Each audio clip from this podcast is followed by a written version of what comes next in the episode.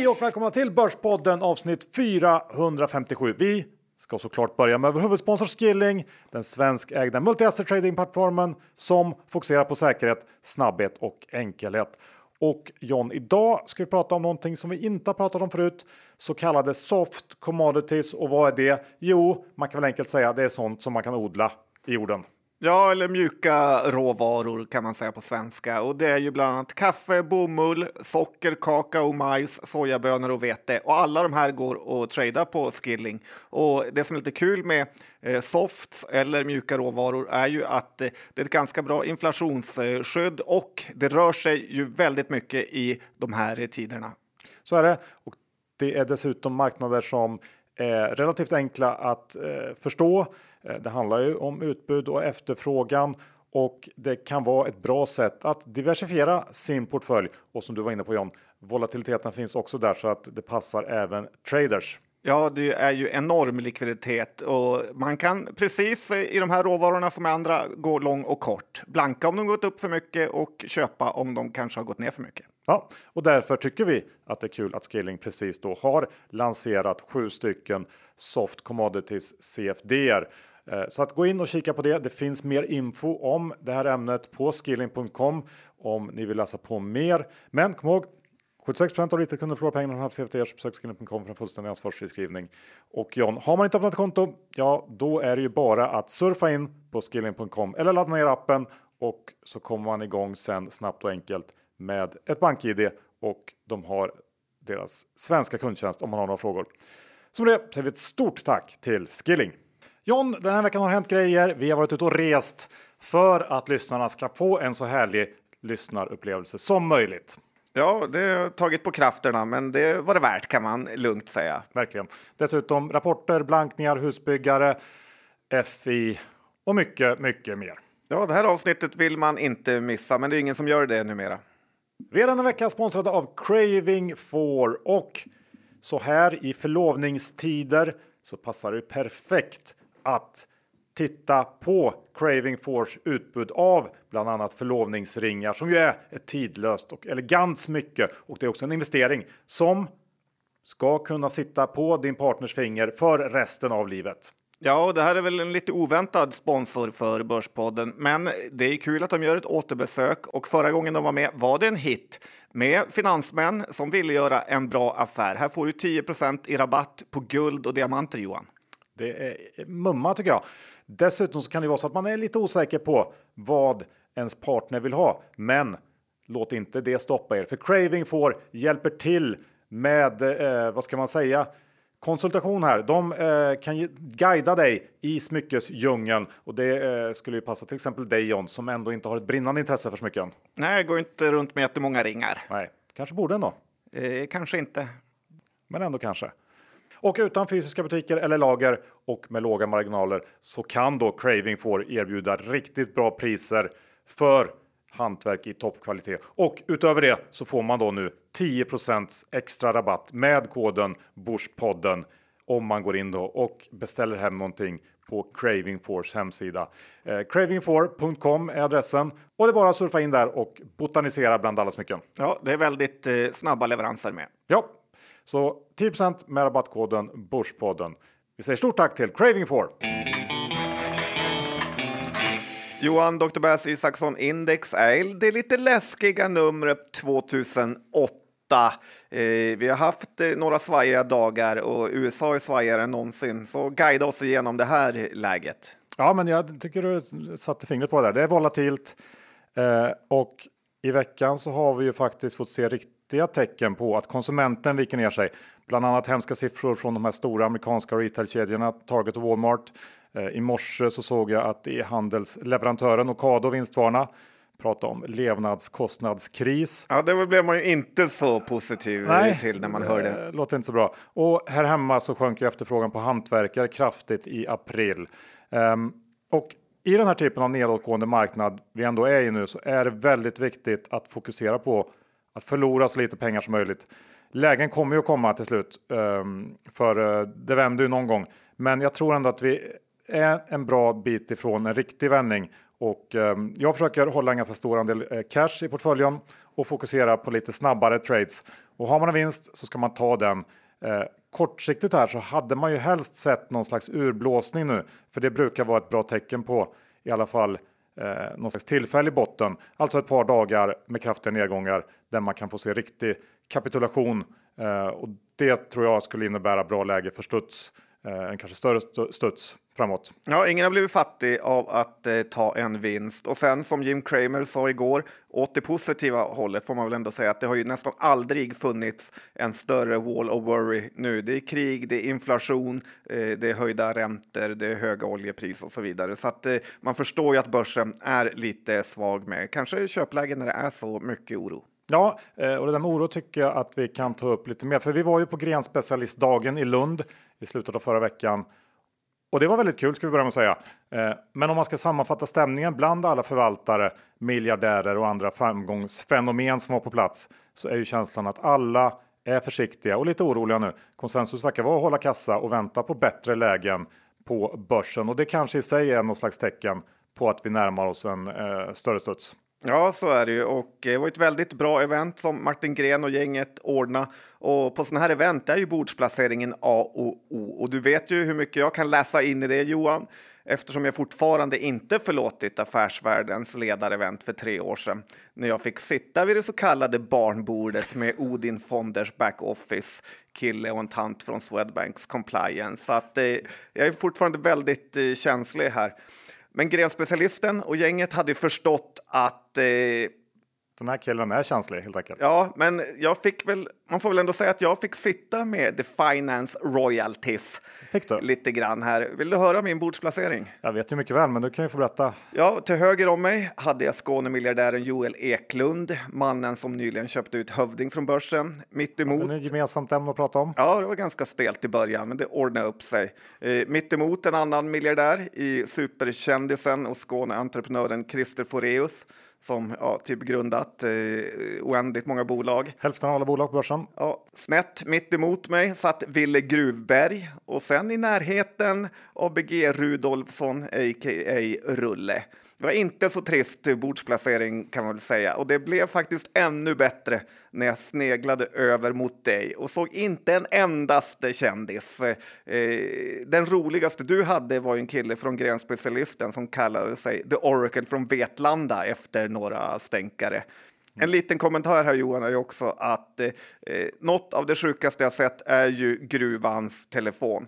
Det ringde i den konstant och han sprang in och ut från den här dagen som han var någon typ av hockeyspelare som körde 30 sekunders byten eh, innan han stack iväg igen. Så att, eh, det var imponerande. Den killen jobbar hårt för sina andelsägare får man faktiskt eh, säga. Ja, jag skulle nog dementera att jag hade eh, dålig eh, bordsplacering. Det handlar nog mer om din okunskap om vilka jag satt med och jag tänker inte namedroppa på samma sätt som du gjorde. Men det eh, var ganska bra för mig också. Ganska så svårt ja. att namedroppa när um, det inte fanns något men, att droppa. om vi ska lämna det här. Uh, men säg bara att jag hade bättre ord än dig så kan vi lämna det. Det tycker jag inte. Allt, det är smaken är som baken, John. Okej. Okay. Ja, allt mm. handlar inte om ja, vad det nu handlar om för dig. Men eftersom vi flög från Arlanda till Köpenhamn så fick vi också uppleva den ofattbara uselheten på Arlanda flygplats som kanske är Europas sämsta flygplats. Ja, det är nästan ofattbart. Alla eh, rubriker i tidningarna, det är underdrifter över hur uselt det är. Ja, eh, och det finns ju inga bortförklaringar eller ursäkter som är giltiga i det här fallet. Det är så ofattbart uselt att inte kunna anpassa verksamheten snabbare. I Köpenhamn var det absolut inga problem och rimligtvis så har ju de exakt samma förutsättningar som vi har. Och precis som det här passhaveriet så hänger det här ihop med någon slags total ofattbar förmåga att tänka och sen planera. Det är inte jättesvårt, eller det var inte jättesvårt att se att resandet skulle öka efter pandemin och planera därefter. Men allt verkar ske reaktivt. Oj, nu ökar resandet helt plötsligt och det såg vi inte komma. Um, och om vi bara ska ta en liten uh, sista spaning i alla fall från mig. Får från... säga att det hänger ihop med allt som staten sköter sköts ganska dåligt. Ja, vi kommer in på fler sådana grejer här framöver. Um, nej, men en sista liten spaning från mig här så är det ju. Jag tror att jag pratar även för dig här. Den sorg man känner över att Danmark och Köpenhamn är så otroligt mycket bättre på alla punkter än Sverige och Stockholm. Hur kunde vi låta det bli så här, John? Vi kan ju börja med att ta bort alla elsparkcyklar, alla eh, byggboxgrejer som ligger på alla gator och allt annat. Eh, ja, det finns mycket att göra. Ja, och det hade inte hänt om BP-partiet hade haft ett finger med i leken. Så kan man säga. Det kan man. John. Hade kunnat bli ännu sämre då. Det hade...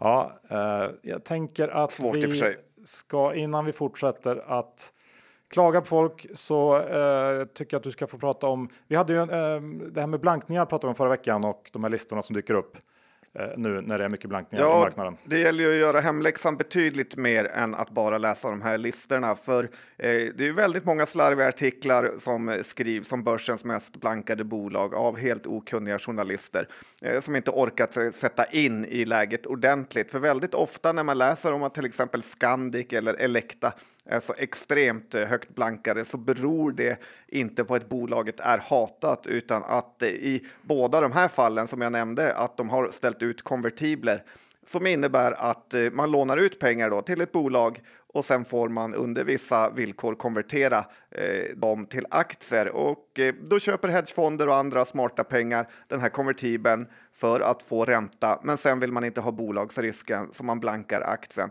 och på så sätt gör man sig en liten men säker vinst. Men man dyker då upp i blankningsregistret av en helt annan anledning än att man eh, inte tror på aktien. Ja, precis. Eh, Så det där ska man ha i bakhuvudet helt enkelt när man tittar på det här.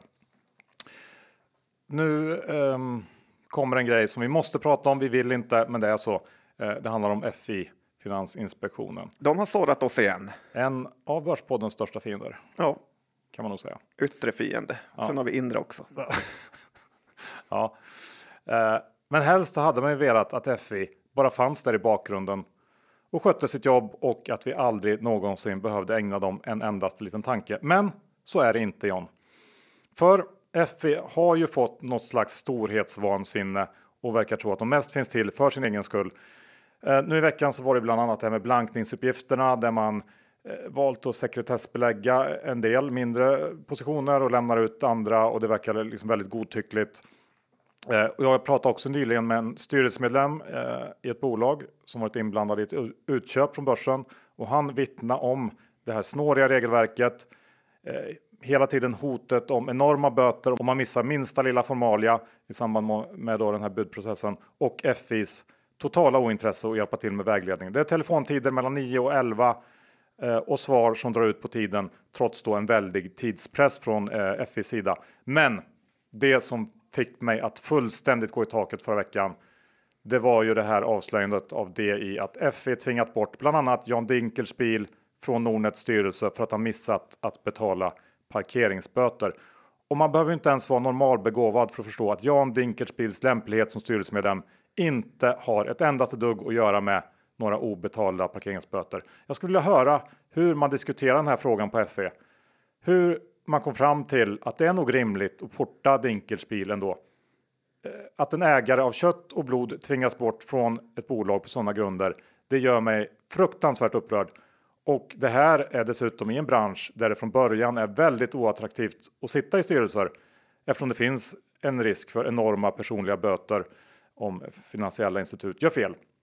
Och jag förstår inte varför, de- varför gör de så här? Kanske känner de sig tvingade att kompensera för sin inkompetens när det gäller att hitta och sätta dit riktiga brottslingar på finansmarknaden för att göra insideraffärer och sen hitta på de mest uppenbara ljug bortförklaringar. Det är tydligen inga som helst problem. Och då kokar det ändå ner till varför får Erik Thedéen inte mer kritik? FI är ju ett haveri under hans ledning. Möjligt att han har för många kompisrelationer inom finansbranschen. Men den här myndigheten finns inte till för att trakassera bolag och människor som försöker bygga någonting eller för den delen spara till en bättre framtid. FI ska ju se till att bankerna inte sätter oss i nya finanskriser och att gemene man inte blir utsatt för rena bedrägerier. Och dessutom så ska de ju vara, om man eh, ska vara hård, jävligt service-minded. För det är alla oss eh, som utgör finansmarknaden som de finns till för, eh, inte sig själva. Ja, det här var nog bland det bästa du sagt i podden någonsin och det blir ju lite eh, en känsla av någon blandning av Ryssland, en myndighet vill bestämma över börsnoterade företag och det här som Elon Musk brukar prata om, att det är för mycket regler som bara finns och det ökar och ökar hela tiden. Så att det finns mycket, mycket att göra här. Väldigt bra Ja, sagt och det vet ju alla också att vi BP-partiet pratar mycket om det här. Minska red tape, ta bort regler. Ja, frihet. frihet ja, under Det- ansvar. Faktiskt. Och sen är det ju ofattbart lätt att få en p-bot i Stockholm kan vi lägga till. Så att jag förstår verkligen att JD hamnade i problem. Det finns mer park parkeringsvakter än det finns något annat i den här stan. Och JD är ju en för övrigt underbar person. Ja, man vet ju att han kan ju ha slirat lite på parkeringar. Ja. Det var inte första boten. Nej, det var det inte. Nej, det var Men eh, han är bara människa. Det är hur? Johan. Ja, En stekare också. stekig människa helt enkelt. Ja. Ja. Men härlig. Eh, sen har vi den här attacken på Johan Persson. Ja, det är en annan sån här mainstream media-grej som man stör sig på. Aftonbladet eh, har ju ett drev mot Liberalernas eh, nya Johan Persson här. Och det är ju när mainstream media är som absolut sämst. Man försöker skriva ner en kille för att han äger 10% av ett bolag som har en del, alltså bara en liten del, som jobbar med ordningsvakter och att han själv är en av få som faktiskt varit med i verkliga livet och då köra ett sånt här stort drev mot honom är otroligt patetiskt. Det är som att någon i riksdagen skulle äga lite Midway och så vill man att det byggs mer och sen ska man köra ett drev mot den personen för att eh, Hackis ställningar kommer gynnas jättemycket. Eller om de vill bygga en gruva och äger lite industrivärden så kommer det gynna Sandvik. Eh, medias roll är ju till för att granska och göra Sverige bättre, eh, inte göra Sverige sämre via att hetsa mot eh, de få politikerna ja, som faktiskt eh, försöker göra något med sina pengar och sin tid. Eh, vilka politiker kommer vi få till slut om man sablar ner alla som inte ägnat hela sina liv till att vara med i ungdomsförbund och vara en yrkespolitiker? Nu när vi äntligen fick en som verkar vara lite intresserad av näringslivet så tog det två veckor innan han snart ska försöka tvingas bort. Ja, bättre att vi försöker få in lite miljardärer i politiken som faktiskt har gjort någonting på riktigt. Ja, helt rätt. Vi är den veckan sponsrad av årets fondbolag Klients kapitalförvaltning och alla som lyssnade på den här succéintervjun vi gjorde med Klients förvaltare Karl och Roger är ju bekanta med det här kapitalförvaltningsbolaget. Ja, alla vet ju att Karl är en magiker, får man faktiskt säga, inom aktier. Och det är inte vanligt. Men det jag gillar med Clients är att de och deras småbolagsfond investerar i riktiga småbolag. Det är inte de här fake småbolagen som är mycket större än man tror som ska finnas i en småbolagsfond, utan Karl letar de här riktiga småbolagen, godbitarna, och så investerar han i dem. Och sen så får man komma ihåg att de låter hela portföljen göra jobbet. Många fonder har ju upp till 10% i ett enda bolag. Så jobbar inte Karl, utan han är mycket mer likviktad i sin investeringsfilosofi och där innehaven ligger på 3 till 5 av fondens eh, totala värde. Och det gör ju att eh, alla bolag i portföljen arbetar för att skapa avkastning. Och sen sist men inte minst så undviker man ju förhoppningsbolag och det är minst lika viktigt att inte trampa på miner och förstöra massa avkastning utan här letar man upp guldkornen och eh, så är man nöjd med det. Ja, det där gillar jag verkligen. Och vill man veta mer om klient småbolag så besöker ni småbolag.kliens.se eller prenumerera på Klients nyhetsbrev på klients.se. Men kom ihåg, historisk avkastning är en garanti för framtida avkastning. Pengar som placeras i fonder kan både öka och minska värde och inte säkert att få tillbaka hela det insatta kapitalet. Med det säger vi stort tack till Klients kapitalförvaltning. Vi är den veckan sponsrade av Lunar och som många nu vet så har ju Lunar nyligen lanserat kryptohandel i appen och det här tycker vi är kul. Det är väldigt, väldigt kul. Jag är imponerad över att de jobbar med de tre största kryptobörserna Coinbase, Kraken och Bitstamp. Ja, och det här innebär ju att Lunar-appen hittar det bästa priset på alla de här tre börserna när du köper din kryptovaluta. Och med Lunar Block så tar ju Lunar kryptohandeln ut i ljuset och gör den lättillgänglig för alla. Så även om man är helt ny på det här så är det väldigt lätt att handla och det är också lätt att få en bra överblick över de olika kryptovalutorna i appen och sen så kan man köpa dem med ett enkelt swipe. Så stort plus för en lättanvänd plattform.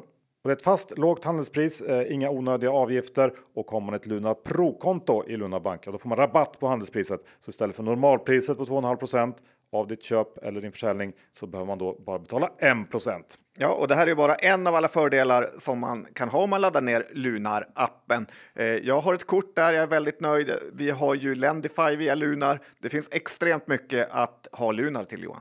Verkligen. Men kom ihåg, all handel med kryptovalutor innebär en stor risk för förlust. Handel med kryptovaluta sker via Luna Block.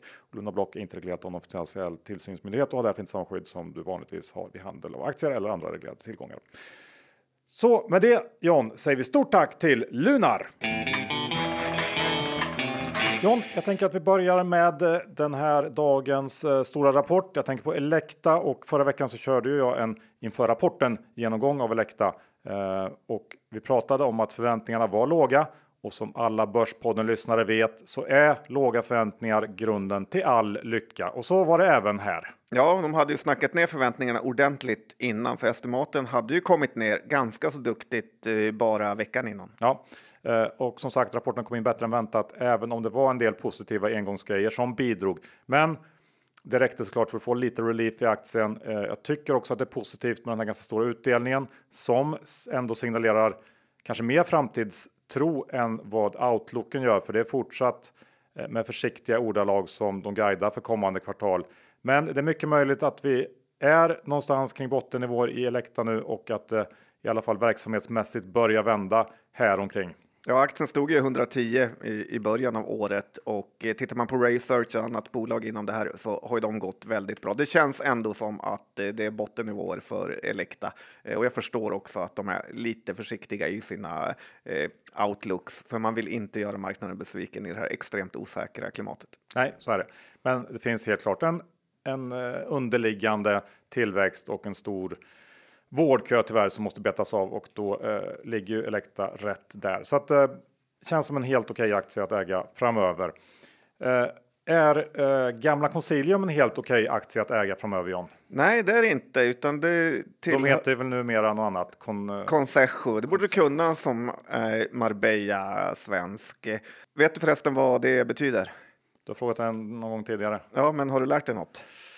Eh, det var någonting så här. Eh, nej, jag kommer inte ihåg. Samråd betyder det, men det borde betyda späcka bort aktieägarnas pengar på jättedåliga investeringar. Eh, och det här man säger om förvärva, förvalta, fördärva de olika generationerna så känns det som att det har hoppat över en generation här. För när Karl Rosblad lämnade över till sin son Karl Adam Rosblad så har det här bygget fullständigt havererat.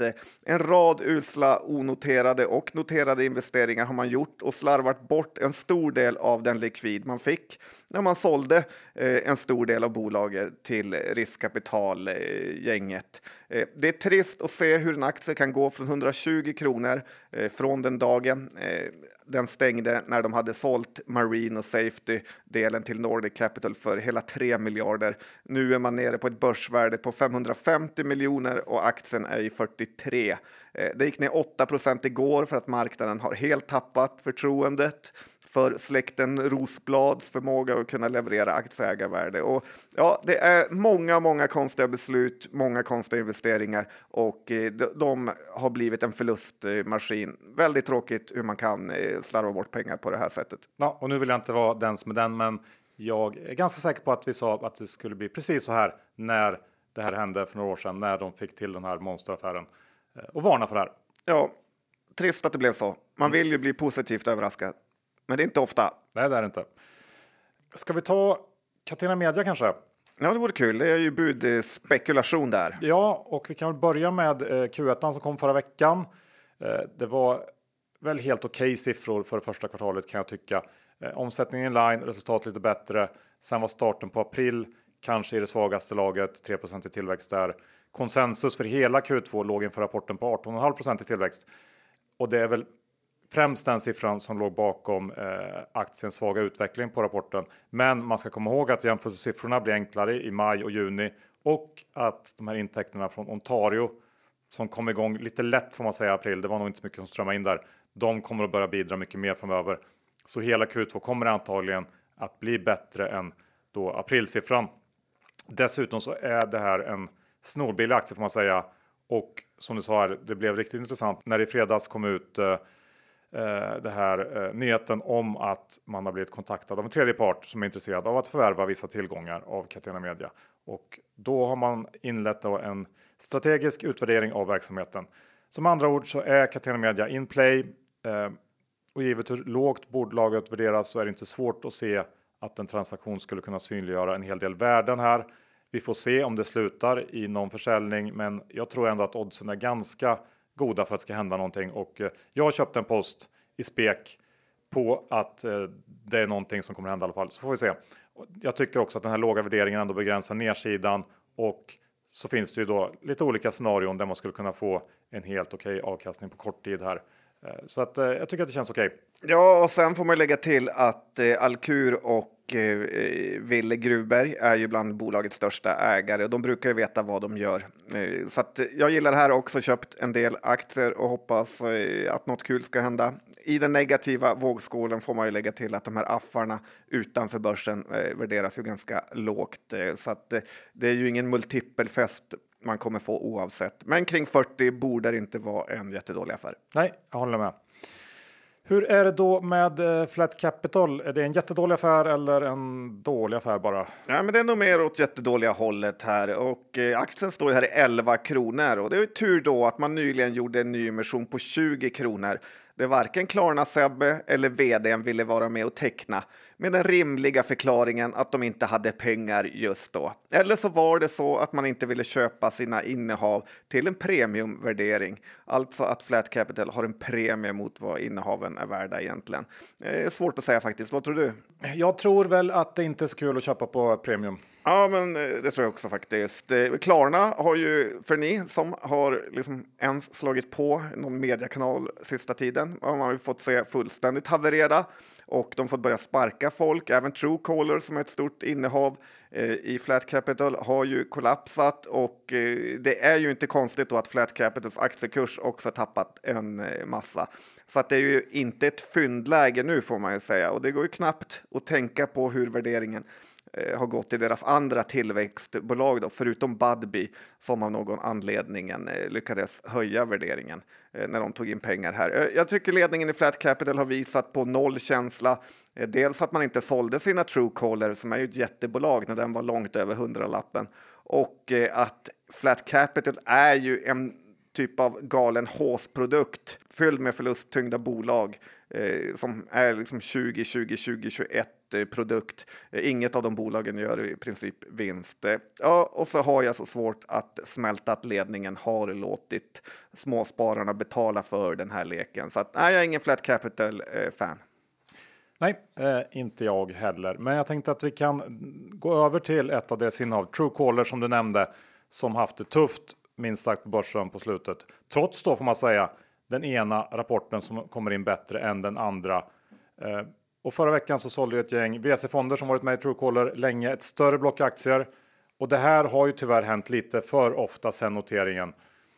Jag tycker att det är svårt att lasta bolaget för vad de här fonderna gör, men kanske borde man ha funderat kring det här och löst det här i samband med noteringen och sett till att så många som möjligt sålde då istället för att det eh, som nu då blivit där aktien gång på gång får jobba upp sig för att sen bli dödad av en ny placing. Och det är väl med den bakgrunden man ska eh, se på eh, veckans nyhet och reaktionen på veckans nyhet att då indiska myndigheter pratar om att lansera en egen app med delvis liknande funktionalitet.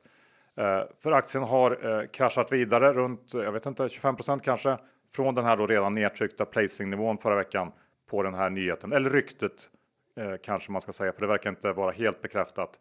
Och jag tror främst att det beror på att man helt enkelt fått nog och då sålt lite oavsett pris. Eh, och det här är ett nytt bolag på börsen som man ännu inte helt litar på. Och sett en hel del kommentarer på Twitter som vill få det till att det fanns någon slags samband mellan försäljningen eh, och ryktet om den här statliga appen. Jag har väldigt svårt att se det. Framförallt för att det faktiskt känns som en icke-händelse. Om man tittar närmare på vad den här konkurrerande appen ska kunna göra så bör den ändå inte utgöra något större hot mot Truecaller och man kan faktiskt lika gärna tycker jag argumentera för att det skulle kunna vara positivt och driva ännu fler personer till att börja använda Truecaller-tjänst. Men allt det här har ju faktiskt fört något positivt med sig också. För efter att aktien kommit ner 60% i år samtidigt som bolagets fundamenta går bättre än vad någon kunde ana. När bolaget noterade sig så är värderingen faktiskt låg nu. Ev ebit runt 15-16 på årets prognoser som eh, om något eh, antagligen är lite låga. Eh, jag sa för några vecka sedan eh, efter rapporten att det här var ett bolag som jag hade på köplistan om aktien kom ner. Nu har den gått från 70 på rapportdagen till runt 45 här när vi spelar in. Eh, det är väl på dessutom väldigt kort tid då. Och när det dessutom ser ut att främst bero på rädsla så har jag faktiskt köpt. Um, det tråkiga är väl att det finns antagligen ett rejält överhäng här efter alla placings. Men uh, ja, jag har tagit chansen och köpt på mig aktier. Ja, det låter lite som Dr. Bombay här nu istället Johan. Calcutta. Försöker vara kul eller? Ja, jag försökte vara kul. Det, det känns som att det ligger snett när du så här ser. Nej, men grejen är att jag tror ju verkligen inte på det här bolaget och det har jag väl sagt hela tiden. Så där har jag haft rätt. Och eh, uh, på vilket sätt? Att den har bara gått ner och ner och ner aktien. Men du kanske mäter på något annat Nej, sätt. Du pratar om bolaget. Du får väl Aktien har gått ner, bolaget har gått bättre än vad någon hade kunnat ana. Oj, vad loser-känsla det där gav mig att höra sånt. Nej, men den största klassikern för mig är ju det här att man är superstora och tjänar en massa pengar i ett land långt, långt, långt bort från Sverige, där det är nästan omöjligt att kontrollera vad som händer eller vad som sägs eller om det här ens eh, fungerar. Man blir tvingad att lita på en ledning här som känns ganska opolitliga och sen har alla ägare som man vet är ofattbart giriga i alla andra lägen eh, säljer iväg aktier med massa så här halvtrovärdiga anledningar. Eh, de här som säljer lämnar ju vanligtvis ingenting på bordet, men nu är det så att de har bara varit med så länge så att de behöver sälja lite aktier. Eh, och sen finns det de här vanliga problemen som jag har varnat för tidigare med GDPR skulle kunna bli ett jätteproblem för dem eh, kombinerat, kombinerat med den här skrönan att väldigt många av Truecallers nummer är fake då man köper sina nummer av företag eh, för, eh, som de har fått in via att man uppger sitt nummer för att få rabattkoder. Eh, det skulle kunna vara så att snart är våra AP-fonder största ägare av en havererad app i Indien. Det är jag lite orolig för. Det är ju worst case scenario. Okay, ja, ja, ehm, jag tror snarare tvärtom. Jag tror att det här kan vara ett kanske det mest missförstådda bolaget på börsen. Men du kan ju ingenting om Indien, det är det som jag vill bara peka på. Och det kan du, för att du då säger att det här funkar inte för att Bromma pappor har ingen användning av Truecallers app. Eh, det, det rings så ofattbart. Vet du hur mycket scam samtal man får en, en gemene man i Indien per dag. Eh, just det har jag ingen aning om, Nej. men också. Eh... Nej, men här, jag tycker siffrorna talar för sig själva. De har bra bit över 200 miljoner användare som använder det här hela tiden i Indien. Det får man ju inte för att man har en app som, in, som är helt värdelös. Eh, ja, om det stämmer. Och sen har ja, man lite gravity-känslan, att man ser fina siffror och alla spelar spelet och he hej och hå. Ja, Jättelångt bort. Jag tror att det här är ett väldigt missförstått bolag och som sagt eh, är alldeles, alldeles för billigt på de här nivåerna och att det framförallt bor på rädsla. Och sen att de här ägarna säljer. Ja visst, det är ju inte positivt, men å andra sidan. Då får andra chansen att köpa in sig. Sådana som mig. Nej, men samtidigt får man väl tänka på vad kan de här ha i sina små portföljer? Det är ju tech eh, VC fonder. De har väl saker som fullständigt brinner nu och man säljer väl det som går att sälja. Och har man då ett bolag som har noterats som eh, ändå det finns likviditet i så är det klart att då får man ju vräka ut det. Jag tror att det är, är helt legit så att säga. Och eh, ja. Ja, men det är bra att Johan Isaksson har fått ta över stafettpinnen. Ja. Vi får se hur det går. Det är det, det som vi. är kul med börsen. Man får ett facit. Det får man vad det lider. Nu lämnar vi Truecaller och går över till Nilar. Ja, här Nilar. Har... Nilar, ja. Vänta, säger man. Ja, jag vet inte, det behövs knappt sägas något för utom att det är ett skräpbolag av liksom den största kalibern som vi nästan sett på Stockholmsbörsen Eh, genom tiderna vill jag säga. Nyligen IPO-ades bolaget eh, för bara något år sedan på 67 kronor och nu gör man en nyemission på en krona. Eh, när sånt här inte blir class action eller att FI tar tag i det, eh, ja, det är ingen som någonsin kommer skydda spararna eh, när det här kan hända. Noteras på 67, nyemission på en krona. Det är så orimligt så att det är helt otroligt. Eh, eh, grejen är ju att de har ju blivit alldeles för lite kritiserade av media också, eh, för de har lite spelat med på de här eh, grön energi-noterna. Eh, till exempel så gav jag Affärsvärlden rådet teckna i den här IPO med ett betyg av 5 av 6 och då är det ju lite svårt att vara jättehård eh, sen. Eh, en annan rolig grej. Och det är väl lite därför man kanske ska lyssna på Börspodden frekvent. Eh, för att vi inte har den typen av måste vara goda grejer för oss. Nej, precis. Eh, vi vill bara vara rättvisa. Eh, men det som är nästan kul, jag vet inte, läste du Nilar-rapporten? Q1? Ja, jag noterade då det som jag pratade om för några veckor sedan att de lyckades med konststycket att rapportera negativ omsättning för andra kvartalet i rad. Ja, men det är så sinnessjukt för att man fick lämna tillbaka system man har sålt. För att de här systemen har ju visat sig vara så otroligt dåliga att man nästan har fått sluta producera dem och istället ta tillbaka dem. Eh, och ja, jag kommer. Jag, jag tippar på att Nilar kommer handlas till en krona i slutet av den här nyemissionen då den här enorma mängden teckningsrätter ska vräkas ut på börsen eh, för folk som inte vill vara med. Så att, nej, det går fortfarande att sälja sina Nilar eh, kring fyra och det tycker jag man ska göra. Ja, det tycker jag verkligen också. Sen har Ahlsell varit ute på någon slags köpturné Ja, köpt. det har de gjort Johan. Eh, Bolaget som tidigare var börsnoterat här i Stockholm eh, börjar nu köpa andra börsnoterade bolag. Och de har ju köpt det här danska Sunny Stål eh, som är någon typ av VVS-firma, ganska lik Ahlsell och bröderna Johansson. Det som är mest intressant här är ju att eh, små spararfavoriterna bröderna Johansson har 1600 ägare efter att diverse Twitterprofiler och forumsprofiler håsat AOJ så bra de bara kunnat. Medan det här lite mer bortglömda Sunny Stål hade endast 16 stycken ägare på Avanza. Så återigen visar det sig hur fel det är att lyssna på andra och bara följa strömmen. Och det är inte för att AOJ är ett dåligt bolag utan för att när du själv får höra om det här så är det mesta av kursrörelsen redan tagen och det är nästan bara nedsidan kvar för OI har ju tappat väldigt, väldigt mycket eh, sista tiden. Ja, med rätta. Ja, kanske. Eh, och det kanske hänger ihop med husbyggandet. Ja, för de bolagen har ju tappat väldigt, väldigt mycket. Eh, många husbyggare är ju ganska billiga nu, eh, i alla fall om man tittar på historiska vinster. JM ser väldigt, väldigt eh, billig ut och de här ETFerna i USA Eh, är ganska roliga att titta på, även om de inte går att handla i Sverige. Men de heter ITB och XHB i kortnamn. Eh, har också gått eh, såklart dåligt sen årsskiftet. Eh, de innehåller de här finansklassikerna som du kanske kommer ihåg Johan. Pu- Pulte Homes pratar man mycket om, det var mycket på CNBC. Eh, då gick de ner till 4 dollar under finanskrisen och nu står de i 42 dollar. Så att det är ganska stor skillnad på nivåerna i bubblor. Det tycker jag man ska ha med sig. Jag har dock hittat ett intressant bolag i Danmark eh, som EQT tog till börsen här för inte alls så länge sedan. Eh, de har också såklart dumpat aktier i flera omgångar och är numera inte ägare här, vilket de eh, är glada för förmodligen. Huskompaniet heter det. Nordea gjorde nyligen analys efter deras senaste rapport och Trots att man sliceade vinstförväntningarna med mellan 20 och 30 procent eh, så ligger man ändå på ett p-tal på 8 här framöver.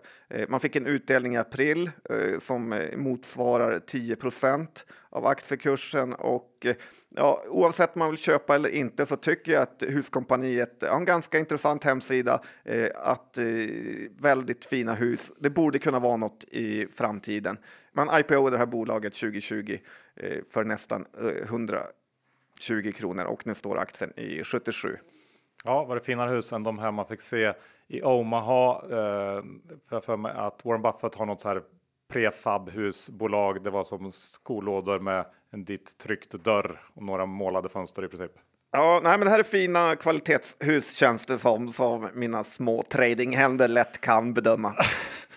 Ja, jag känner att det är liksom för tidigt att ge sig in i den här sektorn, men vad vet jag? Jag tycker om vi precis är i början av någon slags räntehöjningscykel och låg konjan Ja. inte ens har satt igång än så tror jag att det finns mer nedsidor i de där. Nej, men jag tycker man ska ta och titta på ETFerna i USA, ITB och XOB. Det är lite kul att följa eh, husbyggarna i USA. De Ja, brukar vara... de ligger också betydligt mycket före oss. Jag såg bara här i veckan att eh, 30-åriga bolåneräntan i USA som de flesta eh, har har gått på 18 månader från 2,60 till 5,25 i princip, vilket ju är en ganska rejäl eh, stigning. Mm, men det positiva är ju att många har bundit i 30 år då får man ju säga andra sidan. Ja, men det blir lite tufft för alla nya som måste betala över 5 istället för 2,5.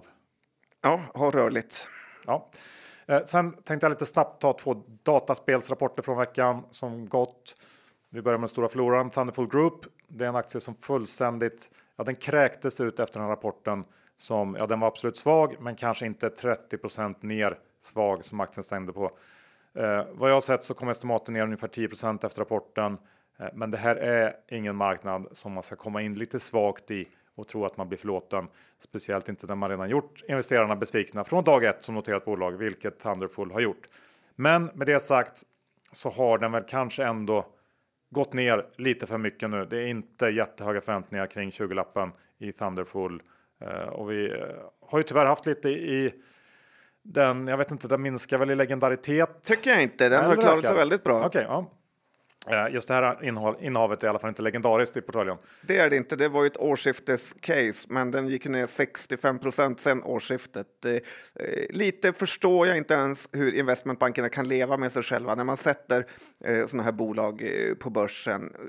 Det här är ju en väldigt konstig kombination av leksaker online, Eh, Nintendo-spel, fysiska som man säljer och sen någon typ av dataspelsutvecklare. Så att man är inte imponerad. Eh, frågan är ju ändå, allt har ett värde. Det kanske börjar bli läge att köpa in här kring eh, 20 spänn. Jag har köpt lite privat, jag har eh, köpt, eh, vi har köpt med Börspodden-portföljen. Lite intressant är det, även om det är ett svajigt bygge och jag är inte jättepositiv till dem. Nej, jag håller med där om den bedömningen. Och sen har vi Embracer, eh, kom in såklart med starkare siffror än vad Thunderful gjorde, men jag tycker att det var långt ifrån någon rökarrapport intäkterna högre, men det berodde på att man konsoliderat in de här Ashmodee eh, brädspelsbolaget tidigare än väntat och ebit var inline med estimaten och Embracer upprepar guidance i stort. Inga stora överraskningar alls. Aktien har faktiskt gått upp en del på slutet. Det tycker jag ändå är lite märkligt eftersom det mesta eh, som inte är bättre har straffats på slutet och i årets generella techbass så har Embracer klarat sig väldigt bra